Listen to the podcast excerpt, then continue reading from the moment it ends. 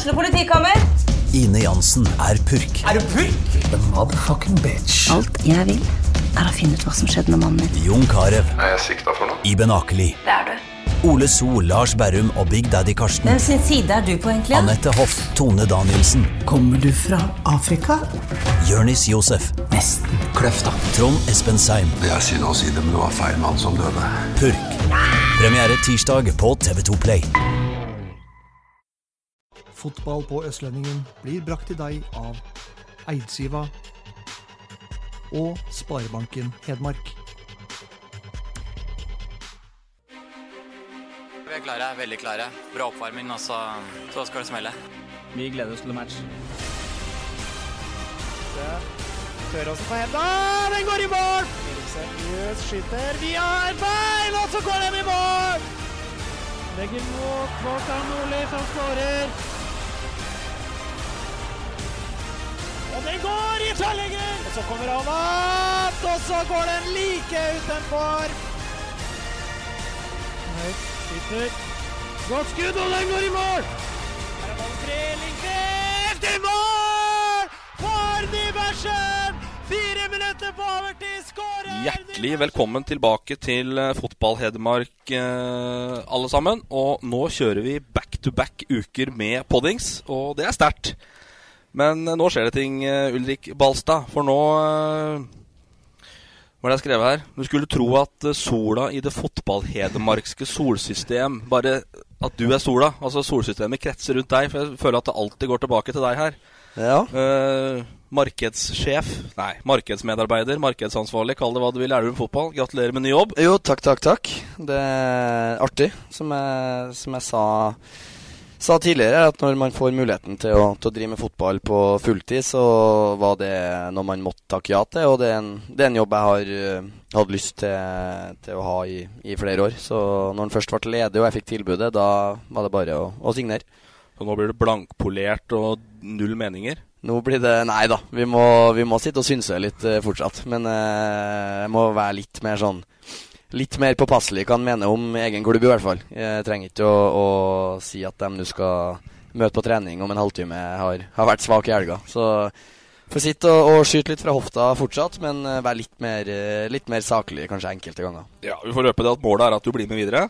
Det- det, Med tydelig rolleforståelse her. Litt sånn eh, ikke sitte og mikse hattene, som de sier. Så det blir Nei, vi sikter på det. det føler meg så godt mottatt i gjengen, da, vet du. Så jeg har lyst til å være med videre. Men det som er viktig å huske på, er at første arbeidsdag er 1. desember. 1. desember. Så i dag er det bare å ta fram bazookaen og skyte fra I dag er det bare å, å sage i vei. Ja, det er strålende.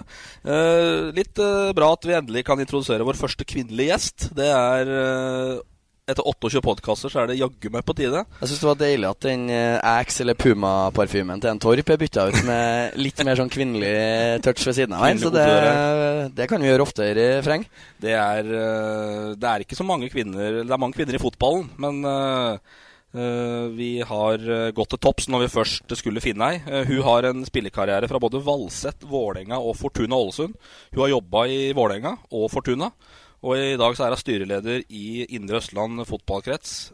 Ane Guro Skåre Rekdal, hjertelig velkommen. Takk, takk. Hyggelig Det å bli invitert. Ja, dette var jo helt, eh, helt eh, strålende. Jeg har hørt at du er litt nervøs. Nei, Nei, gubben som er nervøs, ikke jeg. det er han som er nervøs. Ja. Jeg har noe, jeg har noen sitater fra han her, så vi får Ja, det var eh, ingenting det han sier som er sant. Nei, jeg har skjønt at eh, Jeg har skjønt at der vi andre gutter har frisone med fotballen, så er det det som stort sett diskuteres hjemme hos dere. Stemmer nok bra. Og meningene dine er sterke. Så Ja. vi får komme tilbake til det. Uh, vi har vært litt vi, vi, vi går på runden, og det blir jo det blir jo Nå er det slutt. Nå er andredivisjon og tredjedivisjon over. Og vi får oppsummere litt. Ja. Og uh, Eliteserien går mot slutten. Men uh, hvis vi begynner litt på Eliteserien, der har det skjedd litt nå. Erik Brenden skulle hatt straffe mot Odd. Hvis du har sett den situasjonen der? Ja, jeg så han Uh, Jeg syns det, det er vanskelig å bedømme. Altså, sånn, det er jo dommere som, eh, som helt sikkert hadde både blåst og, og også latt den gått videre. Jeg syns- Jeg syns den er vrien. Det er vanskelig å, å sitte eh, altså I en podkast har ikke vi noe, noe skjerm hvor situasjonene ruller forbi, så det er vanskelig å sitte og, og bedømme helt korrekt. Men eh, det er helt sikkert dem som hadde blåst straffe på det. Det er eh, Erik Brennen som ble spilt igjennom der. Og ser ut som han blir holdt, syns jeg. Ja. Og så er det en diskusjon hvem som skyter. Ballen treffer stolpen til slutt. Og så Klart Hadde det vært i, oppe i Trysilskogen, eh, så er det mulig det har blitt blåst straffe på han, men eh, sånn- Elgberget skrikende i øret på dommeren. Ja, heksegryta oppi der. Det, den er vanskelig å stå imot, men eh, Nei, det, det er vanskelig å si, altså. Det, dommerne er Det er litt sånn ujevn eh, list på dem òg. Så ene helga får du straffe på, den andre så blir du vinka opp. I, eh, I spalten din så kom du vel tilbake til Nybergsund, men det er vel en stund siden det var heksegryte på Sundbana? Ja, altså det var, vi hadde jo et par uh, det året hvor uh, både Elverum og Nybergsund var i andredivisjon. Da hadde vi en del kule oppgjør. Både i, i Elverum og oppe i, oppe i Trysil. Så vi har spilt noen kule oppgjør foran Elgberget. Husker jeg, Det var en periode hvor jeg hadde den Balstad-bloggen på Østlendingen. Da fikk jeg var en sånn original da, på, på tribunen som ropte var et eller annet jeg skulle ha frispark, så ropte en 'hold kjeften din og kom deg opp, jævla blogger'. Men det er jo men det er jo eh, Og i fjor, da, da dere jakta eller bare skulle forlenge rekorden med null unnslupne, Ja. var vel Sundet rimelig gira på å knuse den, for å si det sånn? De feira jo med, med champagne og, og Vamos, ropte jo hele gjengen her. For det var jo flere spanjoler enn nordmenn, så, så de skal ha det. De eh, sprakk nullen, men eh, de feira som, de, eh, som det var opprykksfinalen. Men når det gjelder Anne Guro, sånne lokaloppgjør altså, Nå sitter jo vi og, i media og, og er stressa for at vi ikke skal få nok lokaloppgjør, eller kanskje ingen i hele tatt. Hvor mye er dere i kretsen inne for å få Elverum, hvis Elverum går ned f.eks., sammen med Sundet, altså Tynset sammen med Ottestad og den, altså Har dere en innspill der? Nei, altså Vi er jo ansvarlig for eh, det som er under regionsnivået. altså Det er jo tredjedivisjon nå. Mm. Sånn at eh, det er jo Fotballforbundet som setter på alt som er over det. Så der har vi vel altså Vi kan sikkert komme med innspill til dem. Eh, jeg tror både Fotballforbundet og vi er interessert i at det skal bli mest mulig lokaloppgjør som, som skaper engasjement i, i publikum. Mm. Så ja og nei, var det Ja, De har jo en tendens til å, til å overraske, da, Fotballforbundet. Ja, jeg synes det. De drar både én og to kaniner ut av hatten eh, hvert år med avdelingsoppsettet. Så Mm. plutselig blir Ottestad sendt nord og, og Løten sør i tredjedivisjon neste år. Det er sånn, Man vet aldri, for det er, Ja. en, det er et vanvittig Excel-ark som skal klaffe. Og den siste stress, eh, det var jo for to år siden, da Tynset, Tynset Elverum, Sunne, Brumunddal og HamKam Mm. var i andredivisjon alle fem. Ja. Og da var vi jo, frykta vi jo ble skutt med hagle på kartet og sendt alle steder. Men da kom jo alle de samme. Ja, men andredivisjonen er, altså, er på en måte litt sånn Kanskje litt enklere å sette opp. Eh, I i tredjedivisjonen Nå har de kutta der òg, men det var jo fryktelig mange avdelinger. Altså noen i tredjevisjonen, ble splitta. For det, du har, det er som har snakka om tidligere, det er en kabal, og du kan ikke ha alt fra nord, og du kan ikke ha alt fra, fra Trondheim og omheng i ei avdeling. Noen trekker svarteper, og noen eh, får sett veldig mye av, av landet i løpet av en sesong. Mm. Så det, noen blir skuffa i første helga i desember òg, det er jeg ganske sikker på. Ja, og så er det jo sånn at eh, Du kan jo ikke på en måte sende alle langt hvert år. så Derfor så må du også rotere litt på hvem som får de lange turene. Også for disse lagene som er lengst i nord, så er det ofte kortere reisetid for dem å ta fly ned til Gardermoen og så Mm. spille mot de lagene som er rundt uh, på Østlandet her, enn det er å kjøre rundt i, i Nord-Norge. For du tror jo, altså, du tror jo at f.eks. at både Alta og uh, Bjørnevatn, da, for å ta et lag, er, er et lokaloppgjør. Men for alt vi vet, så er det jo 70 mil mellom de to plassene. Alt i nord er ikke nærme, selv om vi nedi her kanskje tror det. Ja, da, så hørte jo Mats Lund si forrige gang at uh, skulle tro at Tynset-Flisa var et lokalopp. Altså. Det er jo det, men det er jo ikke det. Nei, nei. Altså, de satt i bussen i fire timer, liksom. Og, Jo, jo. Men, men hvis du begynner å høre på sånne historier oppe i Nord-Norge, så er det jo helt ellevilt. For da er det jo de jo fra øy, da. Så drar de bor de på bortsida liksom, av øya, og så er det fergeleie som drar etter jobb på fredagen. Kjører til fergeleie, tar ferja over, skjøv på fergeleie på andre sida, racer til lørdagen på kamp, spiller kamp, kjører videre, søv et eller annet sted midt på. Søndagen ny kamp på et nytt sted, ned på fergeleie, rekker ikke siste ferja, søv på ferja, fergeleie, tar eh, ferja på morgenen klokka seks, kommer over. Så kjører de over hele øya, og så er de på jobb til lunsj.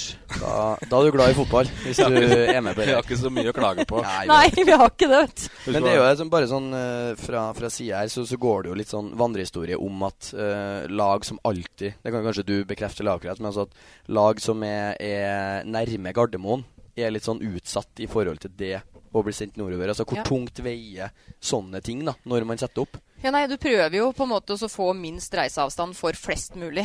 Sånn at det skal bli lavest reisebelastning for flest mulig. Og da er det jo noen som blir mest utsatt. Så det er klart det at hvis du, du kjører jo ikke et lag fra Telemark opp til Gardermoen for å kjøre dem til Nord-Norge med fly. Altså hvis det du har uh, funnet form som Vormsund, som Mm. du kan sende av gårde. Ja. Ja, det er ja. ja. Det er alltid, alltid, alltid en diskusjon. ja. Tynset-Skedsmo, liksom. Ja, ikke sant? Ja. Du har uh, så kan du send... 19, 19 mil til Værnes, liksom. Ja. Så kan du ikke sende Skedsmo nordover år etter år heller. Nei, ja. Så det må jo- roteres litt. Ja. Mm. Så nei, spennende. Spennende å, å se. Vegard Hedenstad blir seriemester til helga. Ja. Med ditt kjære Rosenborg. Med, Nei, er det det?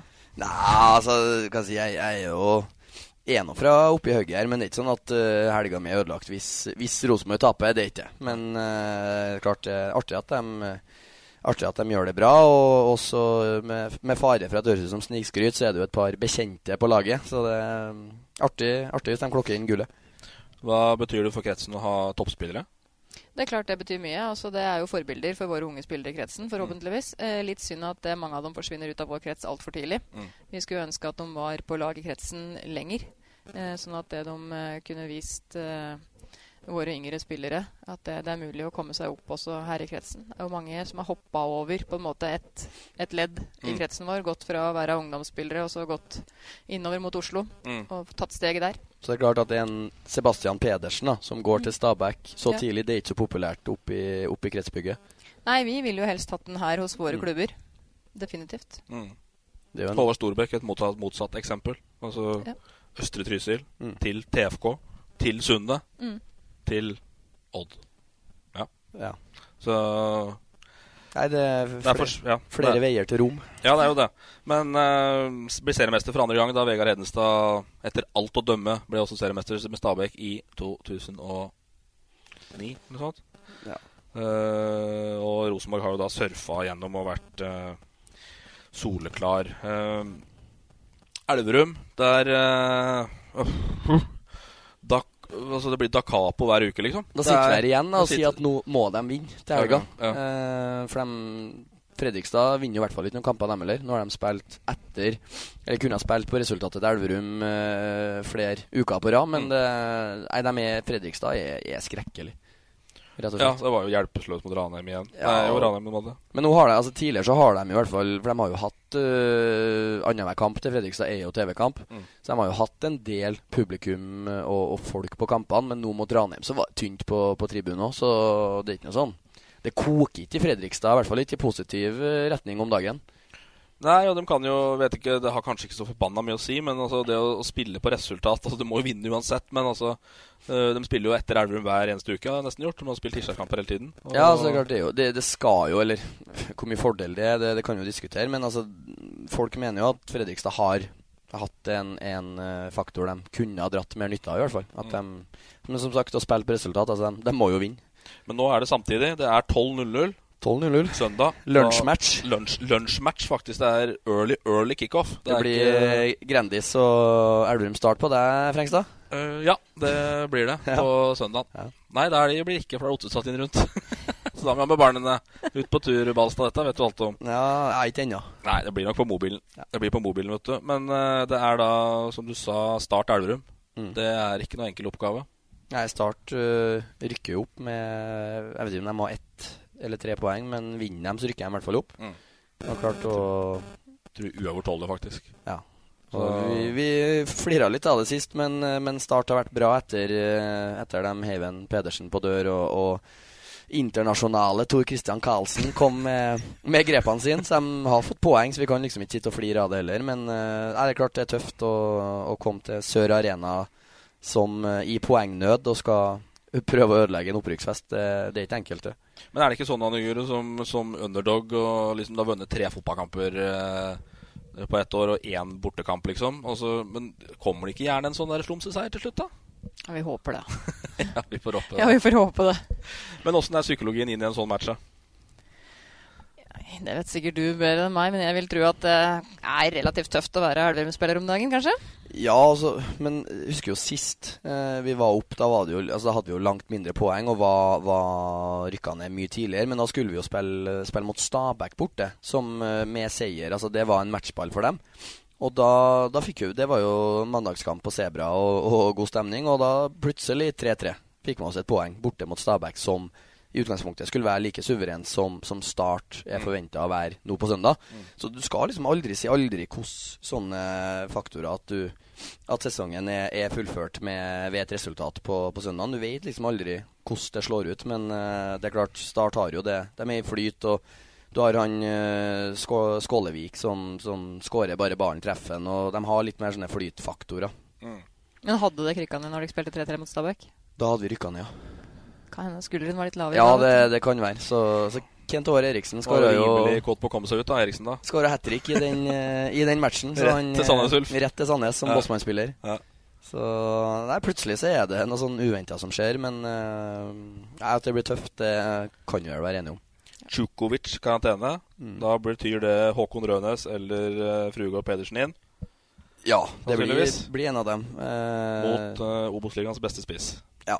Så jeg håper, jeg håper Rønes får spille. For uh, Rønes for det første så er han fadder til, til dattera mi. Og for, for det andre så syns jeg han har vært bra når han, eh, når han har fått sjansen.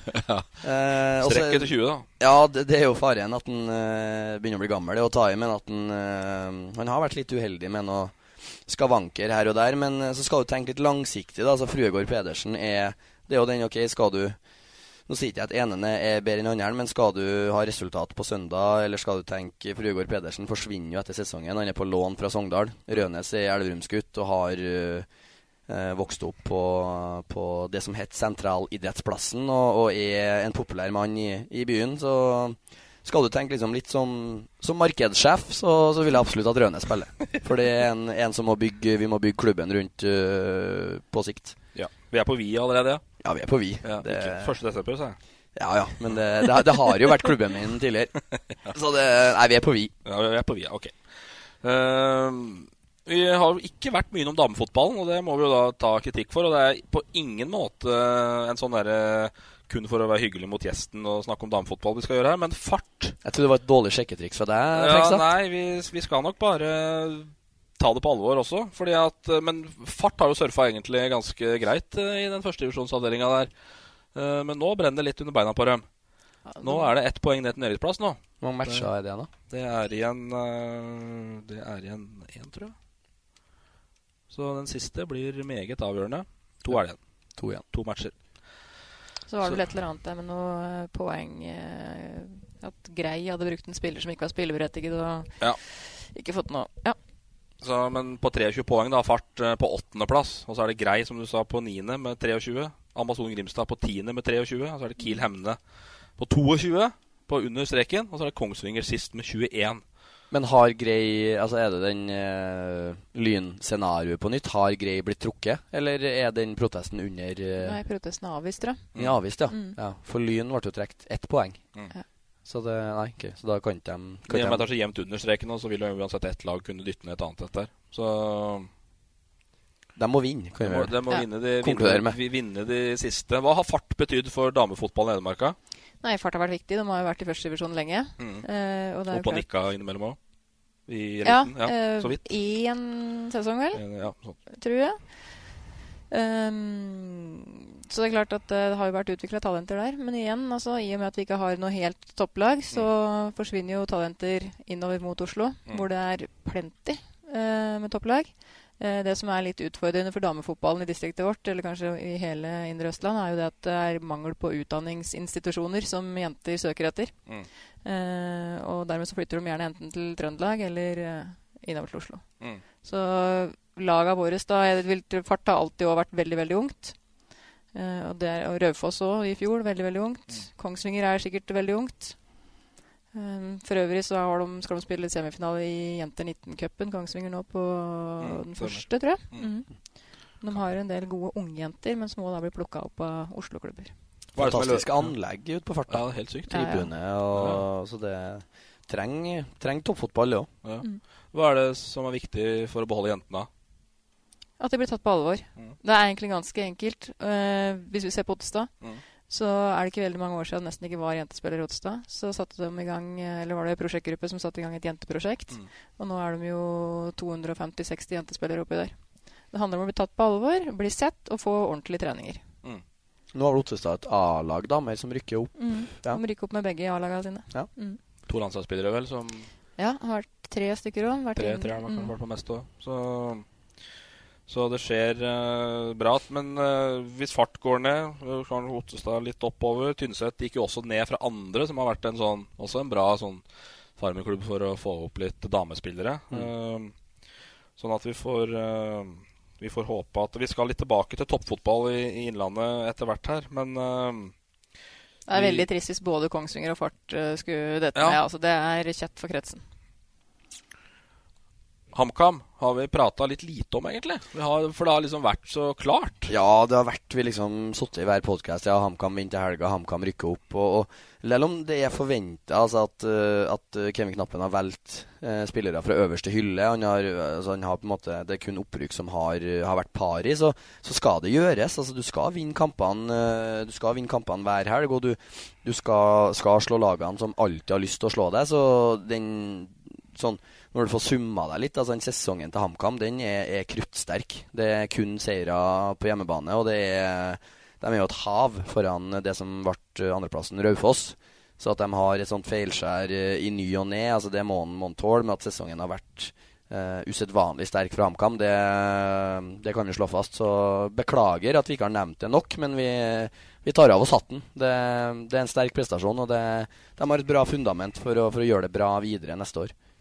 Ja, for det er jo status da er jo da 18 poengs luke ned til andreplass. Og ja. det skulle man jo tro var rekord any day, men det er det jo ikke. For at uh, Kongsvinger Så er ikke pratet ned i HamKam, men Kiel hadde 20 poeng på Elverum i 2015, faktisk. Ja. Så det var men jo også det som er forskjellen der, da, er at i 2015 så var det fire avdelinger. Mm. Ja, Mens i år så er det bare to avdelinger, så jeg vil tro at kvaliteten i de to avdelingene er høyere enn det var i de fire i, i 2015. Så altså, det er veldig sterkt. Altså. I hvert fall sånn som, eh, sånn som jeg oppfatter så er det altså, du, du, har fått samla de, de, beste lagene uh, i avdelingene. Så, men altså, største forskjellen er at du har ikke det kaller rælagene, altså treff og dem du på en måte spiller rundt og vinner 4-5-0 på hjemmebane. Dem de er ikke i andredivisjon lenger. Du har, altså, det er tøffe kamper hver helg. Det er mer jevnt. Du, altså, de, nå har du Follo som ble litt sånn kasteball etter hvert, men altså, båndnivået i år har vært høyere i andredivisjon enn det har vært. Men altså, toppnivået er jo de beste lagene er like bra som de alltid har vært, men du har ikke det hvor du bare kan sette strek på H på fredags og, og ut og ta poengene. Nei. De eksisterer ikke lenger. Nei.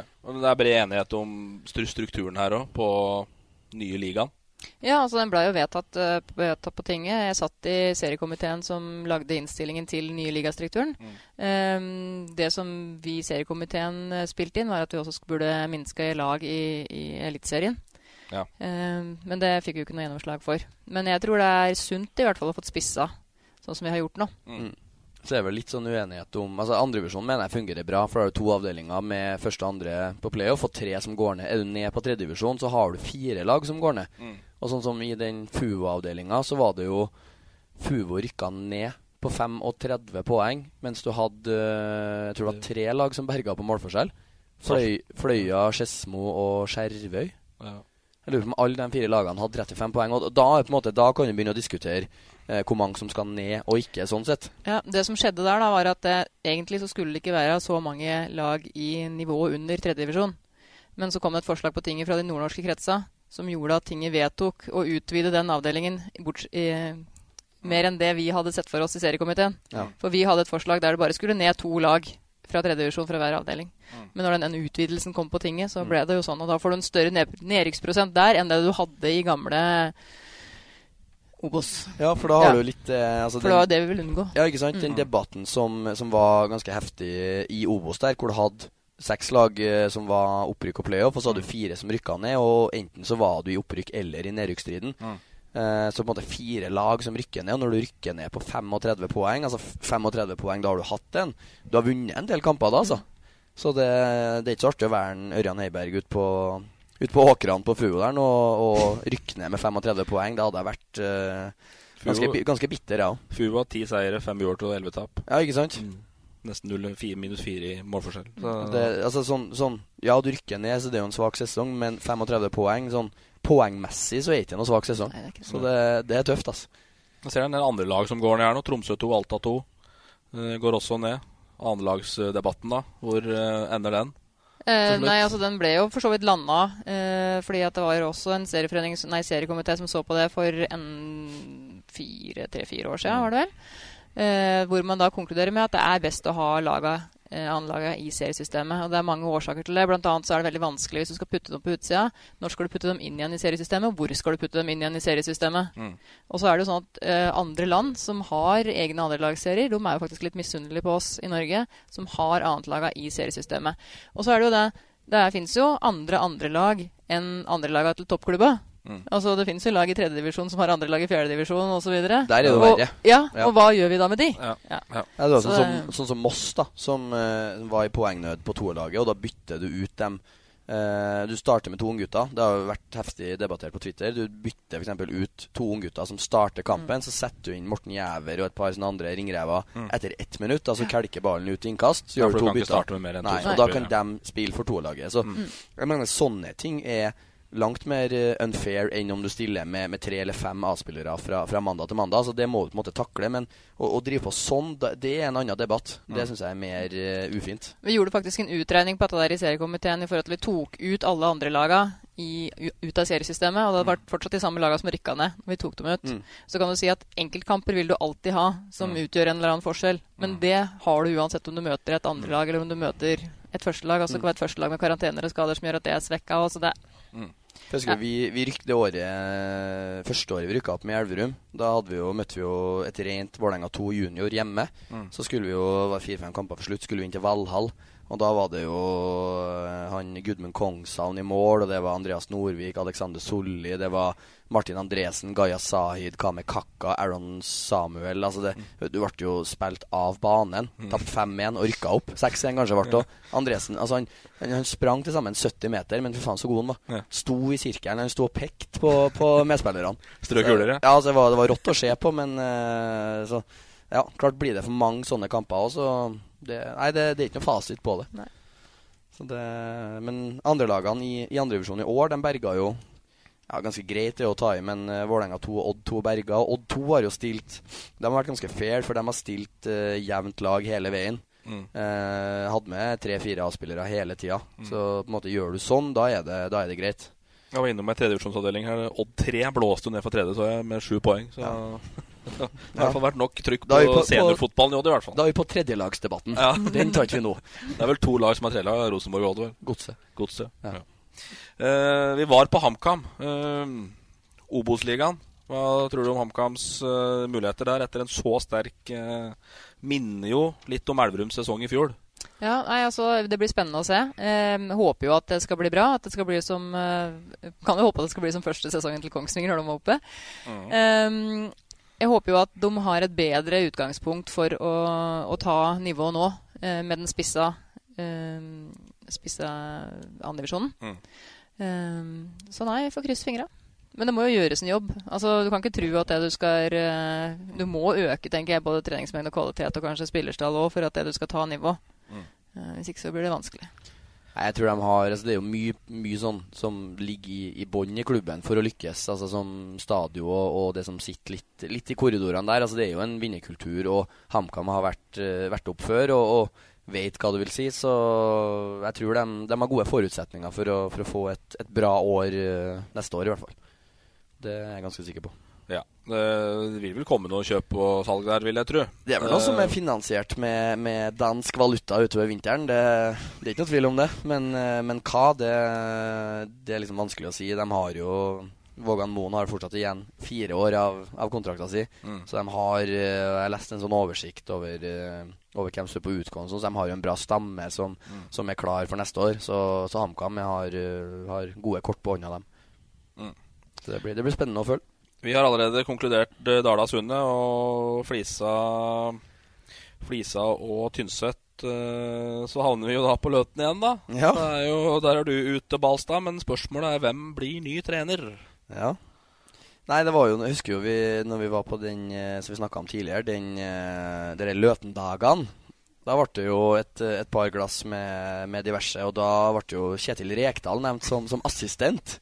Så jeg, jeg vet ikke, det kan kanskje du svare på om det har vært noe kontakt med, med Løten og Nei, jeg, jeg aner ikke. Aner ikke, nei. nei. jeg holder meg unna sånne ting. Det er så mye henvendelser. Nei, vi, eh, for å si det sånn, da, som den undersøkende avisen Østlendingen er, så har vi jo ringt Kjetil Rekdal og sjekka akkurat det der. Ja. Jeg tror han lo så høyt sånn på å kjøre bilen av E6, så jeg tror ikke det blir Kjetil Rekdal som går til Løten. Nei, nei det, det, det tenkte jeg, men det var altså om noen som mente at sant, det, jo, det prates jo mye, da, og det prates fort. Så om det var aktuelt som en sånn én dag i uka-rolle når han hadde fri fra Eurosport, at det var mm. Skreddersyende opplegg. Men uh, jeg er klart å få Rekdal inn, eh, inn, i sirkelen på Løten her, det hadde vært steinartig. Men uh, hvor mye han hadde fått bidratt, det hadde jo vært noe annet. Det er jo da på Eurosport Kjetil nå, og HamKam Akademiet, eller HamKam Vang-gruppa der. Ja, ja. Altså han har, så har han uh, G her på noe G12, 13, 14, 16 mm. treninger med HamKam, vel. Mm. Mm. Og litt Ottestad gutter, gutter 06 når ja. har tid. 2011. altså jeg tenker jo at det, det livet altså, Å jobbe med fotball og TV, altså ekspertkommentator og sånn, at det ser veldig artig ut. Altså Hvor mye, hvor mye jobber en, hvor mye er en på farta sånn med Eurosport? Er det Mye. Det er det, ja? ja. ja. Eh, nå reiste han på Var det fredagsmorgen? Tror jeg? Nei, lørdagsmorgen var det. Og så var han tilbake natt til tirsdag. Ja. Um, og så hvis det hadde vært euro eh, Hvis det hadde vært Europaliga denne uka her, så hadde han jo da reist igjen eh, tirsdag eller onsdag. Han slet litt med visumet ja, her om dagen, leste jeg. dårlig med visum ja. inn til Kom inn i Russland. Russland. Gjorde du ikke? nei. Putin stengte grensa? Nei, nei, der skal vi ikke ha inn. nei, det blir mye reise der inne, altså. Det gjør det. Men har han lyst til å trene igjen, da? Eller altså, det kunne, tror jeg. kunne ha tatt Løten eller Ottestad eller uh... eh, Nå er Kjetil sånn um, prinsipielt imot å bruke mye penger på trenere nedover i divisjonssystemet. Mm. Så han vil jo heller bruke det på spillerutvikling. Mm. Så, sånn sett så tror jeg kanskje det som hadde vært den største bøygen eh, for han der. Men sånn som han jobber nå, så har han jo ikke sjanse til å skulle følge opp et lag på en ordentlig måte. Og, det, og på en måte han kan ikke ha navnet sitt på noe som han ikke kan følge opp 100 for at det vil gå utover hans CV. Det var si. akkurat det jeg satt og tenkte på. Altså, sånn som uh, Nå kjenner jo du han uh, litt bedre enn meg, men altså et par sånn Ja, sånn. altså, bare sånn som jeg oppfatter han uh, gjennom media og, og, sånn, altså at han er Altså det er jo en 100 mm. At hvis han tar på seg et, et oppdrag i Løten, så, så, så, er det ikke aktuelt å på en måte bare få den kjøregodtgjørelsen og, og, være fornøyd med det. Altså, gjør, han, Kjetil Rekdal blir jo forbundet med Løten, og hvis mm. Løten gjør det dårlig, så er det det er hans feil. Ja, ikke sant? Mm. Eller om han ikke er mye til stede, og sånne ting, så, så er det han som blir forbundet med det. Ja. Så en sånn en, en dag i uka-løsning tror ikke jeg hadde vært tjent med det. Det hadde ikke vært bra for noen, egentlig. Nei. Topptrener igjen, da? Det blir nok helt sikkert. Men samtidig så tror jeg han har hatt utrolig godt av å gjort litt andre ting nå. Mm. For den siste perioden i Vålerenga var steinhard. Mm. Med alle de kutta som måtte tas der, det, og alle rollene som han hadde. Det, mm. At han sov om natta, det, det gjorde han nesten ikke helt. Men, uh, men pendla fra, pendla fra Ottestad? Pendla fra Ottestad, ja. ja. Men det, det, var ikke det største problemet, for å si det sånn. Nei. Det var uh, alt det andre som var uh, meget krevende, kan man vel si. Uh, Stian Aasen har vært nevnt. Mm. Trenerutvikler i Elverum og fulltidslærer på NTG. Det har vi fått be nærmest bekrefta i dag at ikke blir. Apropos pendling. Ja, apropos, apropos pendling, Ja. ja. Liten tur uh, om Odalen der, og så Liten svipptur innom eh, Charlottenberg etter jobb Ja, hver dag. og Nei, det det Elverum-Kongsvinger i bil tur-retur den hver dag, den unner jeg ingen, ass. Den er knalltøff. Det er det. Og, så da, da er det åpent da i Løten, og det er Bjørn Magne Broen, Astin-trener i fart, har vært nevnt. Så det er Godt valg. Tror jeg. Jeg har hatt den som trener. Ja, Mm. Bra valg. Ja, Ja. Beste treneren jeg har hatt. Oi. Skal vi sende Broen til Løten, da, eller? Ja, det, jeg vet dem, dem altså, det har vært et navn. Ja, er klart, men altså, klart uh, Jeg skal ikke si at Løten må få på plass noe, noe kjapt, for, uh, for det er klubber som har landa trener langt senere og fortsatt fått bra sesonger. Men altså, sesongen til Løten ble jo avklart for en god stund siden. Det var klart tidlig at Vettemark ga seg. Eh, og, og, og jeg vet spillergruppa står og tripper og på en måte vil ha avklaring, så, så alle er jo tjent med at de, at de får landa det ganske kjapt. Så jeg, jeg vet ikke hvor nærme de var Stian Aasen, og hvor langt de kom, og, og sånn, men eh, de har vel noe andre på blokka de jobber med. Mm. Får vi håpe.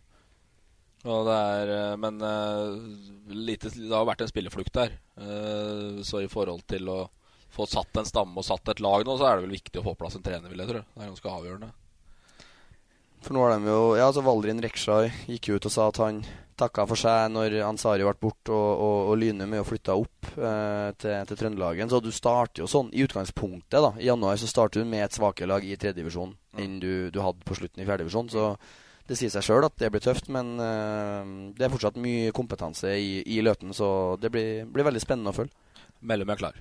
Ja, han skal jo ha noen nuller på, på kjøregodtgjørelsen, han òg, da. Så han eh, Han kjører for Oslo, da, så Ja da. Det spørs om han eh, har noe mye regninger å betale, hvor, eh, hvor hissig han er på å signere. Jeg tror ikke vi skal diskutere kjøreregninger i Nei, ikke fotballen. gjør det. Ikke gjør det. Jeg hører ingenting. Det tar vi, tar vi offline. Satte propper i øra nå. Ja. Jeg hadde en fryktelig sak borte på Gjøvik nå som vi Åh, ja. Av folk som hadde kjøregodtgjørelse som ikke hadde bil. Ja. Da, da er vi på nivå. Hadde ikke norsk lapp. Ja. Um, vi må til slutt bare hylle vår venn eh, Stein Håkon Tolvsen fra Alvdal, da. Som uh, med godt mot labba ut fra Alvdal stasjon eh, forrige lørdag i svømmeføtter og Tynset-drakt. Ja. Det det har vært en føljetong her. Ehm, du var litt kritisk. Jeg syns det var veldig små, små svømmeføtter på. Veldig korte. Ja, altså Nå er ikke jeg noen sånn eh, havgud, men eh, nei, de så vanvittig små ut. Så jeg Ja. fikk eh, Jeg klokka inn i, på det i, i nidraget og fikk sett uh, et par eh, et par uh, steg av en før jeg måtte tilbake til Fantorangen og, og sånt på, på morgenen der. Men jeg, jeg fikk sett i hvert fall at han traska av gårde. Så Ja. han, han gjorde det. Han skal ha det. Ja, Klokka inn på litt over fem timer da fra Alvdal stasjon til Tynset stasjon. Og, eh, Det er lenge med svømmeføtter. Det er lenge med svømmeføtter. Altså. Og det er eh, til hans forsvar så selges det Jeg kjenner litt Alvdal Tynset Sport. Og eh, jeg vet det selges lite svømmeføtter der. Så at Ja. de i det hele tatt hadde et par, tror jeg vi skal være glad for at de fikk, fikk, fikk på seg. Nettbutikk, vet du. Ja.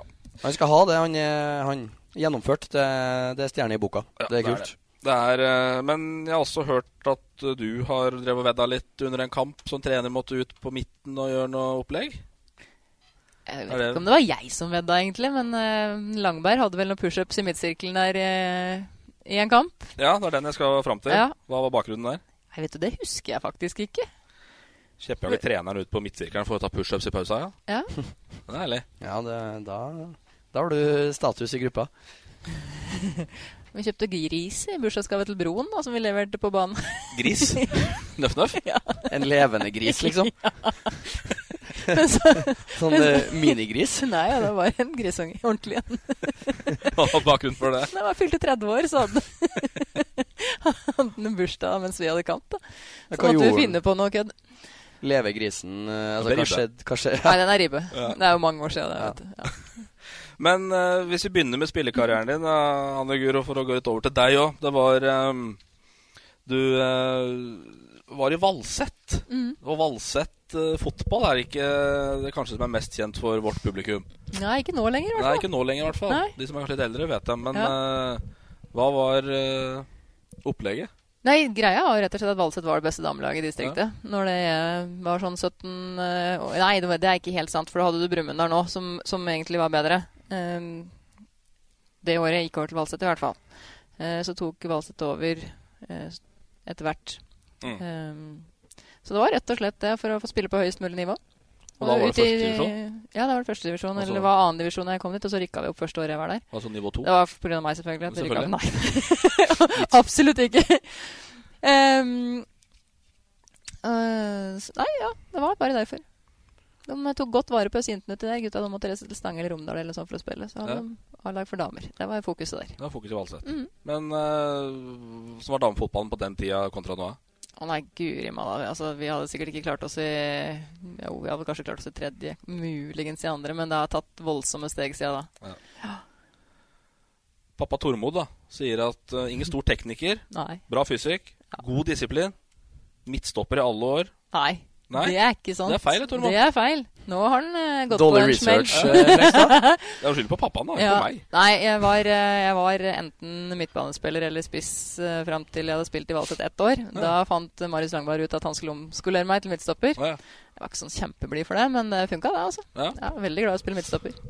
Og da, da få kort skjønte jeg på pappaen at det var uh, Ja, jeg takla rent hele tida. Ja, helt rent hele tida. Helt rent hele tida. Ja. Alltid på ball. Alltid på ball. Det er nøkkelen. Litt godt å ta et ben innimellom, men ja. Og det vet du alt om òg. Hil, sier hilsen Kam, la, Mats Cato Målskred. Hilsen Mats Cato. Ja, det Ja. Nei, jeg traff, jeg traff bra der. Tidenes blodrødeste kort ever. Fikk gult. Ja, fikk gult. Men uh, uh, prata med Kjetil òg, din uh, ektemann. Han har aldri sett meg spille fotball. Nei, det sa han. Det er ja, han korrekt. sa det, ja. Ja. ja dæsken, han Men han visste, han visste ingenting, bortsett fra at det var en sinnatag. Ja, jeg har nok et godt temperament på banen. Det har det? Ja. Så, men Kan nok skrive under på det. ferden videre, da, fra, fra Valset Ja, nei, det måtte jo flytte på meg litt for å jobbe etter hvert, det òg. Så da gikk jo ferden inn til Oslo. Da hadde jeg jo spilt i, i gamle førstedivisjon som besto av seks avdelinger eh, i seks år. Og hadde jo da fått spilt mot de fleste førstedivisjonslagene i Oslo. Og akkurat det året som jeg flytta inn til Oslo, så blei det allnorsk førstedivisjon. Eh, og da var det vel tre klubber å velge mellom. Eh, det var Røa, eh, Skeid og Vålerenga. Vålerenga hadde jeg aldri spilt mot, for de hadde bare gått gjennom seriesystemet sånn check, check, check, check. Sånn at, eh, og da hadde ikke vi vært i samme avdeling det året som de var i første divisjon. Og da hadde jeg på en måte sånne litt sånne antipatier mot alle de andre klubbene som jeg kunne velge, så da ble det Vålerenga. Men det er litt stas å dra på seg Vålerenga-drakta òg, da. Jo, men jeg hadde ikke noe forhold til Vålerenga sånn ellers da, vet du. Nei. Nei. Ikke- den kom etterpå, den. Ikke på herrefotballen Nei. før Kjetil, eller for, for den saks skyld? Nei. Det er bare så Altså, vi, jeg syns vi gikk vel, vel kjapt fra pappa Tormo der. Eh, her står det Fattern løp, løp opp og ned langs sidelinja. Halvside i OA om han tuller til faren. Ja. Det, det stemmer? Ja, det stemmer. Altså, jeg, hadde, jeg, har, jeg har på følelsen sånn derre barnefotballen. Da husker jeg mamma veldig godt. Og så er venninne av henne. De skrek alt samtidig, sånn, så jeg husker lydbildet der. Og så når vi kom over til seniorfotballen, da plutselig kom pappa sitt inntog, tror jeg. Og han var en i, kanskje over gjennomsnittet eh, aktiv eh, tilskuer. Han fikk marsjordre av dommer en gang og litt forskjellig. Og så den der OA-artikkelen fra Raufoss-Vind var jo på en måte den store å kjempe imot, da, laget fra andre sida. Og de hadde noen landslagsspillere, og de var veldig gode. Og så var det en kamp vi hadde på Raufoss. Der tror jeg fatter'n styrte hele forsvarslinja og fløy opp og ned sammen med oss og hylte og skrek hele Og da hadde han faktisk, jeg tror jeg hadde halvsida, altså, i OA om uh, han der gærne tilskueren. Men han var kun, kun eh, tilskuer og engasjert far? Altså ikke, Ja. ikke noe trenerrolle? Nei, nei, nei, nei, nei, heldigvis. Nei, han er håndballspiller. Ja, riktig. Ja. Og spiker sånn på Valseth. Ja, Ja. det òg er jo en Aldri har ni meter vært så korte på en fotballbane, og Valseth går til. Går med ufortjent Nei, det var, det var så mye feil. Han drar den Stabæk-varianten. Ja, ja, ja, ja, ja, ja, Var det ikke noe styr der nå til, i helga? Det har ikke jeg fått med meg. Ligger ufortjent under til pause. Ja, det, jeg husker jo det Jo, Den spikeren i Elverum, og han er jo ganske Altså han er jo en artig kar. Mm. Så han har vel Det var vel i, i uh, første tida hans som spiker. Og det er jo noen sånne regler du skal forholde deg til der òg. Men jeg husker vi skulle møte Lillehammer hjemme, et lag som vi burde ha slå. Så idet vi skulle eh, ut til oppvarming, så hører jeg bare spikeren Test! 1-0, 2-0, 3-0, 4-0, 5-0, 5-1. Så det Ja, faren din er ikke alene. Nei da. Men det er godt at eh, NFF liksom ikke syntes at det var så det var ikke så farlig å ha sånne delegater og sånn på ja. Kampene våre på den tida. Det tror jeg var Jeg innafor. fikk, eh, fikk reprimade av, bortelaget, i hvert fall. Så jeg skjønner den. Og så jeg vet ikke om det var i Valset, eller hvor det var, det, men dere var i finalen i Indre Østland fotballcup. Mm. Og denne husker du som at det var i går, har jeg hørt rykter om. Nei, jeg husker dette. Det er eh, Ja. Det er et vondt minne, men du får ta det, da. Ja da, nei, jeg tror, tror det kanskje var første året jeg spilte i Valset. jeg. Uh, for da spilte vi mot Brumunddal, og Brumunddal da lå i divisjonen over oss. Og så var det sånn at eh, i IFK-cupen så fikk du straffer ut ifra hvilken divisjon du spilte i. Sånn at, men det var før kampen. Sånn at vi som spilte i divisjon, vi hadde to straffer, og Brumunddal spilte i første divisjon, de hadde ei straffe. Så du kunne lede 2-1 før kampen starta? Ja, du kunne lede 2-0 før kampen starta. Ja, selvfølgelig. Ja. Eh, og det var Det var interessant. Ja. Og i hvert fall, men når vi kom til eh, enden av denne kampen, så var det uavgjort. Eh, hvilket jo var en prestasjon av det i seg sjøl. Eh, Fattern hadde flere kommentarer om at uh, Valseth nå tagget dem på kondisen og sånn, og vi bare øh, kanskje ikke. Men eh, så var det straffesparkkonkurranse etterpå, da. Femte straffa skulle eh, Unge skåre da, og den blåste rett over mål. Og da var det Rett sånn at, over eller høyt over? Eh, rett over, sier vi. Rett over, ja. ja vi sier det. Ja, vi er enige om det. Ja. Ehm, I hvert fall så var det sånn at det var 10 000 kroner i, i premie. Og det var ganske mye da, spesielt for et damelag. Mm. Og så hadde han som driver Åsen Handel, han var litt engasjert i klubben, så han hadde lov til å doble det. Mm. Så det var 20 000. Det blåste jeg greit over mål. Og så i avisa dagen etterpå så sto det at Skåre gjorde som Baresi og Barci og skjøt ballen over, for det hadde vel vært EM eller VM eller et eller annet sånt, og der begge de hadde bomma på straffekonk. Finalen i VM 94. Ja, Baggio. stemmer. Ja. Ja. Det er alt, nesten alltid ålreit å bli sammenligna med dem. Ja, Ikke nest- akkurat da. Verste opplevelsen, eller? Eh, ja, jeg tror nesten det. Egentlig ikke så mye for at jeg skjøt over på straffe. Det var ikke så traumatisk, men det var de der penga. Liksom. 20 000 ja, til 20 000 klubben, ja. til klubben. Til klubben. Til lagskassa. Ja. Til en Det- ordentlig den- fest etter Den var tung. Det ble nok ikke noe fest av de ja. penga, men Nei, men jeg tror vi fikk 10 000 av åssen handel likevel. Ja, ja. Da er det greit. Men jeg gikk gjennom Facebooken din, uh, Anne Guri, ikke for å snoke nødvendigvis, men bare for å se litt. Altså, Samtlige innlegg er om fotball. Ja. Er det noe annet, liksom? Eller er det fotball hele tida? Eh, Nei, ja, nei, det er vel kanskje mye fotball, altså. Jeg kan vel kategoriseres som en fotballidiot. Om jeg ikke husker mye tabeller, resultater og sånne ting, så er jeg vel kanskje en, mm. sånn fotballidiot på det administrative plan. Har du noe favorittlag? Eh, ja. Og det Det kommer litt an på. Jeg har flere. Ja. Om det er i Norge, eller om det er i I Norge? Nei, i Norge er det Vålerenga. Det er Vålerenga. Ja, det er Vålerenga. Utlandet, Eh, England er det Tottenham. Ja. Og så- Og du er på opptur, ja? Ja, ja, ja. Oi, oi, oi. Og så er det Milan. Ja. Mm. Er det mye innlegg altså, om, om det, eller Nei, er det mer nei. Det kretsrelatert? er, det er krets- og NFF-relatert. Ja. Mm. Saken er vel at den Facebook-sida har blitt mer en sånn informasjonskanal enn fordi at jeg nå har jo så mye hva skal vi si, venner i gåseøynene på Facebook som jeg egentlig ikke er venner med, som er mer sånn Mm. Ja. Det er jo en fin måte å, å nå ut. ja, Ja. må prøve, da. Men hva diskuteres uh, rundt middagsbordet? da? Det er fotball?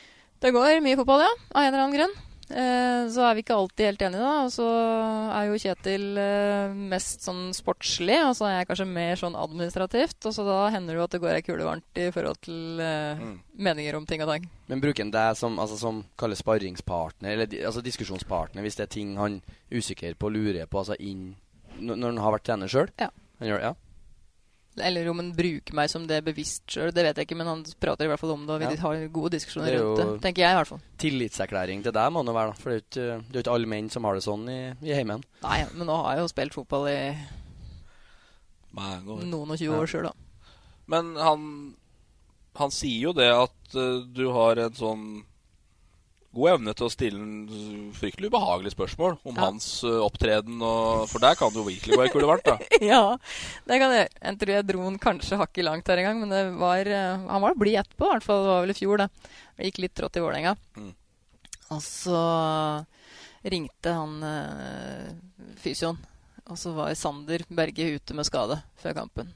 Og da, Kjetil, da er han Det er, altså, det er svart-hvitt så det høll, da. Mm. Og jeg tenker at det er faktisk litt flere nyanser. Ehm, rett i kjelleren, og så ringer han eh, assistenttreneren, ikke sant? Og så er det bare sånn Sander er ute, og jeg blir helt håpløst, og så videre, og så. Og så må, da må vi sette inn sånn og sånn, og så Og så, og så tenker jeg i huet mitt Ja, nå er du negativ, og så overfører du det på assistenttreneren din, og så skal han ringe til en spiller som han skal prøve å peppe opp, og så tenker jeg hvorfor er det ikke du som ringer spilleren, hvorfor er det assistenten? Jeg tenker jo som spiller sjøl at det er mye bedre at hovedtreneren ringer meg, enn at er assistenttreneren ringer meg, og så var det en del sånne faktorer, da. Så sa jeg vel ganske tydelig fra hva jeg mente. Så ble han irritert, og så ble jeg irritert. Og så endte det opp med at jeg dro på meg eh, lua hans, jakka og slipperser. Og så putta jeg digert tyggegummiklase oppunder leppa, og så subba jeg rundt i stua for å parodiere. da, da tror jeg på en måte ikke han var så blid når han reiste. Men han vant 4-1, da. Ja. Ja. Gjorde det? Ja. For altså, han, er jo, han er jo i, sånn som i media altså, Jeg syns han er artig. Han, han sier altså, snakker rett fra levra. Har du noen gang kalle, Ikke skjemtes, men altså, sånn som i media har han sagt har- ting som du har stussa på? Eh, ikke som jeg har stussa på. Jeg har, jeg har skjemtes ordentlig én gang. Ja.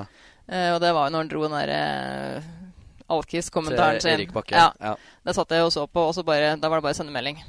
Denne var fin. SOS. Ja, jo. sender. Ja. Alarm. Alarm. ja, jeg, jeg, jeg, jeg kjøper den. Ja. Men, men det, det- jeg vil jo tro at det er litt sånn Altså, du som i, en, i et styreperspektiv altså, Da er det jo saklige diskusjoner, du må legge fram argumentasjon. Og Mm. Det gjør jo også han, men det er jo en røffere stil Ja. i en fotballgarderobe. Og, og kanskje mer sånn enn det Ja, er i et styre. Ja, Så det er vel de kultura som kanskje Nei, altså Jeg var ganske heldig når jeg vokste opp. Um, og det, kanskje dra det langt og si at den har hatt stor betydning for meg i livet, men det er faktisk et menneske som uh, uten å ha vært bevisst det sjøl, uh, har vært med å forme meg som person. Uh, det er en som heter Trond Pettersen. Han spilte på HamKam før, i hvert fall. Vet ikke om han var innom Elverum så vidt det var. det. Han var en del av omgangskretsen min, i hvert fall, når jeg var sånn der, eh, 17-18-19 år gammel. Og han er ganske fargerik i språkbruken sin, kan vi si. Sånn at jeg har vært godt herde. Eh, og godt innvidd i den sjargongen og garderobesjargongen. Og det har vært uh, veldig bra. Eh, I og med at jeg har vært så mye i fotballmiljøet og mye på herresida også, oppover, så er det ikke så veldig lett å vippe meg av pinnen eller noe sånt. Jeg har skjønt at det er bare å svare at kanskje helst litt verre. For da blir det litt sånn der Oi, ja. Mm. Så jeg tar meg ikke så veldig nær av sånn høyt, uh, høy og grov språkbruk. Det går fint, gitt. Nei, ja. Men så tenker jeg samtidig at, at den røffe stilen kan veldig fort bli skjært Eller det kan være ganske lett å skjære ned en sånn stil med en saklig Det kan det jo. Uh, ja, sånn som du Ja, det kan det. Men sånn som i, i, i kretsen, hvordan er det? Er det, er det mannsdominert der? eller Er det mer damer? Altså, hvordan er tonen? Og er det mange som har fotball- og garderobebakgrunn der? Ja, det er det. Eh, når vi har, eh, I styret nå så er det tre damer og, og fem menn. Eh, I forrige styre så var vi 50 eh, damer og menn, så der var det likt. Eh, ikke alle har fotballbakgrunn, men, eh, for det trenger man ikke heller. For at du kan ha annen kompetanse som trengs inn i et styre. Men de fleste har jo en bakgrunn fra fotballen. Men så tror jeg kanskje at de som bare har damefotballbakgrunn uten å kanskje ha vært innom herrefotballen, da, ikke nødvendigvis har fått med seg den sjargongen, og at det kan oppleves eh, At den sjargongen kan oppleves tøffere å håndtere for noen. Mm. Eh, jeg tror ikke det i kretsen, altså i, i kretsapparatet vårt, så tror jeg ikke det er sånn. Men jeg er jo rundt og så prater med mange andre òg, og, og det er nok damer som, som, som syns at den sjargongen kan være litt tøff å håndtere. Mm. Hva, Litt tilbake til kretsen. da, hva er det, Kretsen er liksom sånn du hører om og skal rapportere til kretsen. Ja. Det er liksom det du hører om kretsen. Ja, det er veldig hyggelig. det- Vi gjør jo en del andre ting enn å drive med Ja. sanksjoner. Det er kanskje det vi driver minst med. ja, og så er det når det spiller Nei, når det er vel opp, opp, oppsettet på høsten. Da hører du om kretsen. Ja. Men det er vel en, det er et ganske heftig apparat, og kanskje dommer og den biten der kanskje det er noe av det tøffeste dere driver med? i forhold til Ja, altså vi har jo ca. 200 dommere, rekruttdommere i kretsen. Eh, skulle veldig gjerne hatt flere, og vi skulle veldig gjerne hatt uh, flere som er yngre, for vi ser jo at det, snittalderen på dommerne våre den øker. Eh, men det er jo tøft å være dommer, så vi må være flinkere til å ta vare på de gode unge dommerne som vi klarer å, å få opp. Mm. Eh, og så må vi også være flinkere på å utdanne eller få Vi har jo masse klubbdommere. altså Vi har jo ca. 1500 klubbdommere eller noe sånt i kretsen. Så vi må prøve å få trukket flere av de da fra å være klubbdommer og så over til å bli, bli er rekruttdommer. Altså- Klubbdommer, da dømmer du femmer og sjuer, uh, Ja. nier i egen klubb. Ja. Ja. Kretsdommer, da har du tatt rekruttdommerkurs, og så Men så jeg, jeg skjønner jo at, man, at du har masse forskjellige dager. Eh, altså Ingen dager er lik de klisjeene der. Men sånn, hva er en sånn typisk arbeidsdag i, i Nei, kretsen? Ja, nei, altså jeg jobber jo ikke. Jeg er jo styreleder, og det er jo et frivillig verv. Ja. Sånn at eh, jeg har jo ingen spesifikke arbeidsoppgaver som Nei. ligger på pulten og venter på meg. Det er jo styrearbeid, det er strategisk tenkning, det er prøve å, å, å eh, Vi må ta valg, da. Altså Vi har en handlingsplan som NFF har eh, Eller ikke som NFF har eh, eh, valgt, men som alle klubba har vært med og vedtatt på tinget. Men som vi skal levere på. Mm. Eh, og den er ganske heftig. Mm. Så vi, og, og vi klarer ikke å få gjort alt samtidig. Men vi skal jo, en ting er jo at kretsen skal jo sette opp kamper, dommere og alt det der administrative som skal skje for at fotballen skal gå rundt. Samtidig så skal vi jo prøve å utvikle klubba våre, utdanne ledere, utdanne trenere, utdanne dommere. Eh, og få klubba våre til å bli bedre og mer solide, sånn at vi òg forhåpentligvis kan utvikle bedre spillere. Mm. For vi tenker jo at eh, hvis du har gode ledere, eh, så vil de bidra til å utvikle gode trenere i klubben. Som igjen kan bidra til å utvikle gode spillere, sånn at vi får høyna kvaliteten på spillermaterialet vårt. Og flere. Altså at eh, vi, vi slipper frafallet fordi at vi tror at gode trenere, gode ledere, også gjør at det blir et mindre frafall. Mm. Men det har, sitsen har vel aldri vært bedre, altså i forhold til trenerutdanning øh, og Nei, Før altså- så var det liksom fatter'n som dro på seg de gamle fotballskoa og Ja, var altså, trener, er liksom. Mer fokus, eh, sånn som i ungdomsfotball. Altså at enkelte trenere Altså det er krav i forhold til kursing og, og, og sånne ting. Så det er jo betydelig, et betydelig løft, da. Ja, altså sånn som både Elverum eller Elverum er jo kvalitetsklubb, Mm. og Løten er jo på vei til å bli kvalitetsklubb. Ja. Og der er det jo, for å bli det, så er det jo et krav om at det på hvert trinn i barnefotballen så skal du ha én person med i hvert fall grasrottrener del 1. Eh, og i ungdomsfotballen skal du ha én trener på hvert trinn med hele grasrottrenerkurset. Sånn at- og så skal du ha barnefotballkvelden eller ungdomsfotballkvelden i tillegg på det andre trenerapparatet ditt. Så der er det jo en helt klar føring på hva du skal ha for å bli kvalitetsklubb. På grasrottrener, det gamle C-lisensen. Ja. Mm. Og det er jo det vi håper på. Altså, vi er helt avhengig av foreldretreneren. Mm. Men det er jo ikke noen motsetning i å ha foreldretrener og ha en skolert foreldretrener. Nei. Og det som er litt uh, både bra og trist, da, er at vi hører at når vi endelig klarer å få skolert de her foreldrene, så er de jo superhappy med det. Bare åh, hvorfor har vi ikke gått på det her før? Mm. For at du får en helt annen bakgrunn til å håndtere spillemateriellet ditt. Mm. Men det er vanskelig å få dem av gårde, altså. Ja, det er det. Ja, Vi har prøvd oss, vi, Balstad. Du har trent gutter 12? Nei, jo. 14, takk. 14, ja. Ja, så det var, det var stas, det. Men du ja, det var veldig, Jeg trente dem i, i to år, fra jeg var 13 til 14, og det var eh, ja, Det var, var kjempeålreit, syns jeg. Men det er klart, du, du opplevde jo baksida, altså det med foreldre, og det når du, du satt på foreldremøte og, og så på en måte så, så har klubben én tråd, og så tror foreldrene noe annet. Så på en måte det er en vanskelig alder, den 13-14-årsalderen. Eh, for du, du vil ha med alle, men så har du lyst til liksom, det, det må være lov å bli god, og du har lyst til å, til å dra fram dem òg, men samtidig ha med han eh, som syns kanskje er artigere å, kaste gummikula opp i lufta. Han skal få et tilbud, han òg. Så det er den, det er den balansegangen der, og den, eh, den opplever du jo Altså Det er jo størst trykk rundt den i den alderen når de er 13-14, tenker jeg. For Ja, da- det er viktig å differensiere i begge ender. Eh, det er viktig å gi de beste også et, eh, et tilbud for at eh, de skal utvikle seg og ikke synes det blir kjedelig. Mm. Eh, for da mister vi dem òg. Eh, og så er det viktig å ha med, med bredden nedover også. Mm. Men da er det viktig at klubben er sjef, Mm. og at klubben har retningslinjer for hvordan dette her skal foregå. Og at du ikke som trener blir sittende alene og skulle ta det ansvaret overfor foreldre. Nei, altså jeg, jeg, For min del så var det Jeg hadde jo klubb rygg og var ganske tydelig, men altså det, det kommer jo en, en sint mail og en sint uh, SMS her, så må du svare på det, og så, må du, og så kommer det litt sånn eh, Ja, jeg skal ikke si oppgulp, men i hvert fall noe, noe kritikk på foreldremøter. Altså, de er jo uansett på en måte De vet godt hva klubben så, så, så kommer det noe sånn hakking uansett. Det selv, da, si det. Foreldre er vanskelig gruppe. De er vanskelig å, å tilfredsstille. Ja. Nå skal vel ikke du og Kjetil være parametere på alt her, eh, Anne Guro, men, men, men på, i, i forhold til bredde og topping, og så snakka han litt til meg i stad om, om disk, de diskusjoner dere har. Mm. Eh, hvor står dere, eller hvor står han da i forhold til deg? Jeg vet jo du er veldig på å ha med og, og Ja, breddebiten av ja da, det er jeg. Men samtidig så er jeg, som jeg sa, altså jeg er veldig opptatt av at vi differensierer i begge ender. Eh, jeg er veldig opptatt av at, at eh, de som er best, også må få muligheten til å utvikle seg. Eh, vi må bare gjøre det på en ordentlig måte, sånn at det på en måte blir akseptert. Nei, da jeg mener at da er klubben, må klubben ha et ansvar for å sette de retningslinjene, sånn at du som trener ikke blir stående alene i det. Det skal du ikke gjøre heller. Nei. For det er ikke sikkert at du som trener eh, nødvendigvis tar det riktige valget. Dette skal være en eh, strategi som er nedfelt i, i en sportsplan Mm. eh, hos klubben. Men jeg er absolutt for at det, eh, de som eh, vil mer, skal få lov til å utfordre seg.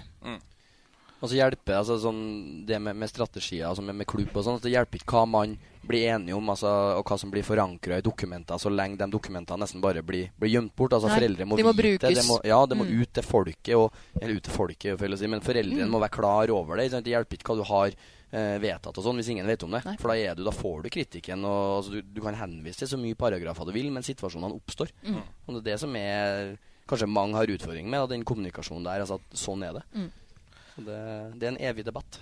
Til slutt, uh, Anne Guro, jeg vet ikke om dette er din idé og ditt verk, men uh, i helga så er det fotballhelga på Lillehammer. Ja. Uh, det begynte vel i fjor, Ja, vi hadde første året i fjor. Mm. og da var vel ditt første år som styreleder? Nei, andre. Ja, Mm. Var kanskje ruga på ideen noen år, men uh, Nei, det er ikke bare jeg som har ruga på den ideen. Vi har, har uh, har fått gjennomført den, en i hvert fall. administrasjon òg som har ruga ut denne ideen der. hva er det for noe? Nei, altså Det er jo en inspirasjonshelg og en påfyllhelg for uh, alle som er glad i fotball i, i Indre Østland, egentlig. Mm. Uh, vi har uh, et godt knippe med forelesere som bør være interessante, både på sportslig bit og på, på lederbit. Også I tillegg så har vi en paneldebatt på, på lørdagskvelden. Men det er rett og slett for å, så, å gi litt sånn påfyll inn i, i høstmørket, nå som det, sesongen er slutt og vi går en litt sånn stillere tid i, i møtet. Eh, vi har vært, veldig godt tatt imot i fjor av de som var der. Vi skulle selvfølgelig ønske at det var enda flere som er der i år òg, men vi får håpe at de som er der, får godt utbytte. Hvem er det som kommer som, som forelesere? Bare så at vi, folket Ja, blir klar over det. Ja, vi har eh, Pål Bjerktvedt, generalsekretæren for NFF, kommer. Gunhild Lærum, som er forsvarsadvokat og sitter i styret i eh, Lillestrøm sportsklubb, og som er i styret i, i NTF nå. Eh, Roger Finjord, tidligere landslagstrener og nå daglig leder i Finnmark fotballkrets. Eh, så har vi paneldebatten vår. Der, jo, så er Davy Vatne med hele lørdagen. Som, Davy også, ja? ja, ja. Det er bra. Eh, som eh, konferansier og ordstyrer i paneldebatten. Eh, paneldebatten går på um, hvorfor vi ikke klarer å få opp noe topplag på herresida i, i Indre Østland. Altså, vi har jo Obos, men vi har slitt litt med å komme helt, helt opp. Lagene har vært høyere. Ja. Ja. Eh, og da har vi Kai Kristiansen, eh, Vegard Skogheim, eh, Ola Brenden og Svegården fra VG i panelet. Så det bør jo bli litt futt, det, får vi håpe. Det er bra sterke navn i, i lokalfotballen, ja. Mhm. Det- Svegården fra Lillehammer, da, som er, har vel skrevet litt om fotball i gåsehudene fotballbyen Lillehammer. Mm. Så Tok vel for seg Mjøsdistriktet ganske godt. Ja, det gjorde det. Så Og så har vi Helge Gudmundsen, som er eh, på søndagen, begynner å starte på søndagen. Som er foredragsholder og trener for eh, et Unified-lag i, i Trondheim. Veldig kul fyr å høre på. Unified-laget Flatås Lions. Flatås Lions, Ja, yes, ja, stemmer. Så har vi eh, Anders Mortensholm, som skal si litt grann om spillerutvikling. Så har vi eh, en eh, Åh, nå sto det helt Øyvind Vebenstad, tidligere arrangementssjef og frivillighetsgeneral i ÅFK. Og så har jeg på følelsen at jeg har glemt et navn innimellom her nå. Men ja. ja. vi har et godt program, vil jeg Mange si. nevnt, i hvert fall. Mm. Så hvis det er noen noe lyttere som ikke har meldt seg på, har eh, planer i helga og vil utvide horisonten og øke kompetansen, så er det bare å ta turen opp til Lillehammer. Da er det bare å ta turen til Lillehammer. du burde vært der. Jeg skal til Trondheim i helga, dessverre. Ja, derfor skal- spiller vi i dag, torsdag. Ja. Men neste år kanskje livepodkast på scenen her på lørdagskvelden? Det hadde vært da. Dæven, han, hæ? Ja. Vi Det er noe å ta med i, i brainstorminga hvis vi skal ha utover novemberen her. Ja. Vi har eh, spalter til slutt. Anne Guro, du er så travel og har fått fritak fra drømmelag. Ja. Exi-lag. Eh, sånn at uh, det dropper vi den gangen her. Men uh, Balstad, du vil ikke droppe spalten. Nei, den uh, så, Jeg er jo en tradisjonsmann, så har vi, har vi begynt med den, og så skal vi, skal vi dra det helt ut. Ukens sjampis og ukens gravøl der, Ukens altså. Ukens sjampis og ukens gravøl. Så det er jo en evig debatt. Skal vi ta gravøl eller champagnen først? Nei, da tror jeg vi tar gravølet først. altså. Gravølet først. Det, det går til en klubb som jeg syns har prestert under pari i år. Eh, til våre venner oppe i Trysil. Nybergsund. De endte på en tiendeplass i, i andrevisjon.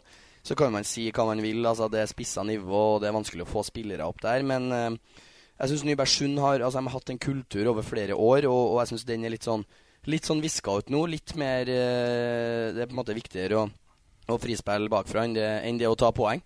Og, og det syns jeg egentlig blir feil. Så at Nybergsund er på tiendeplass og, og har klubber som Kjelsås og, og Grorud over seg på tabellen, når du har flere spillere som, som spiller fotball på heltid opp i Trysil, da bør du få, få mer ut av, av ressursene. Så jeg syns det har vært en, en skuffende sesong. Så en, en sekser med gravøl sendes opp til de dype skoger i Trysil.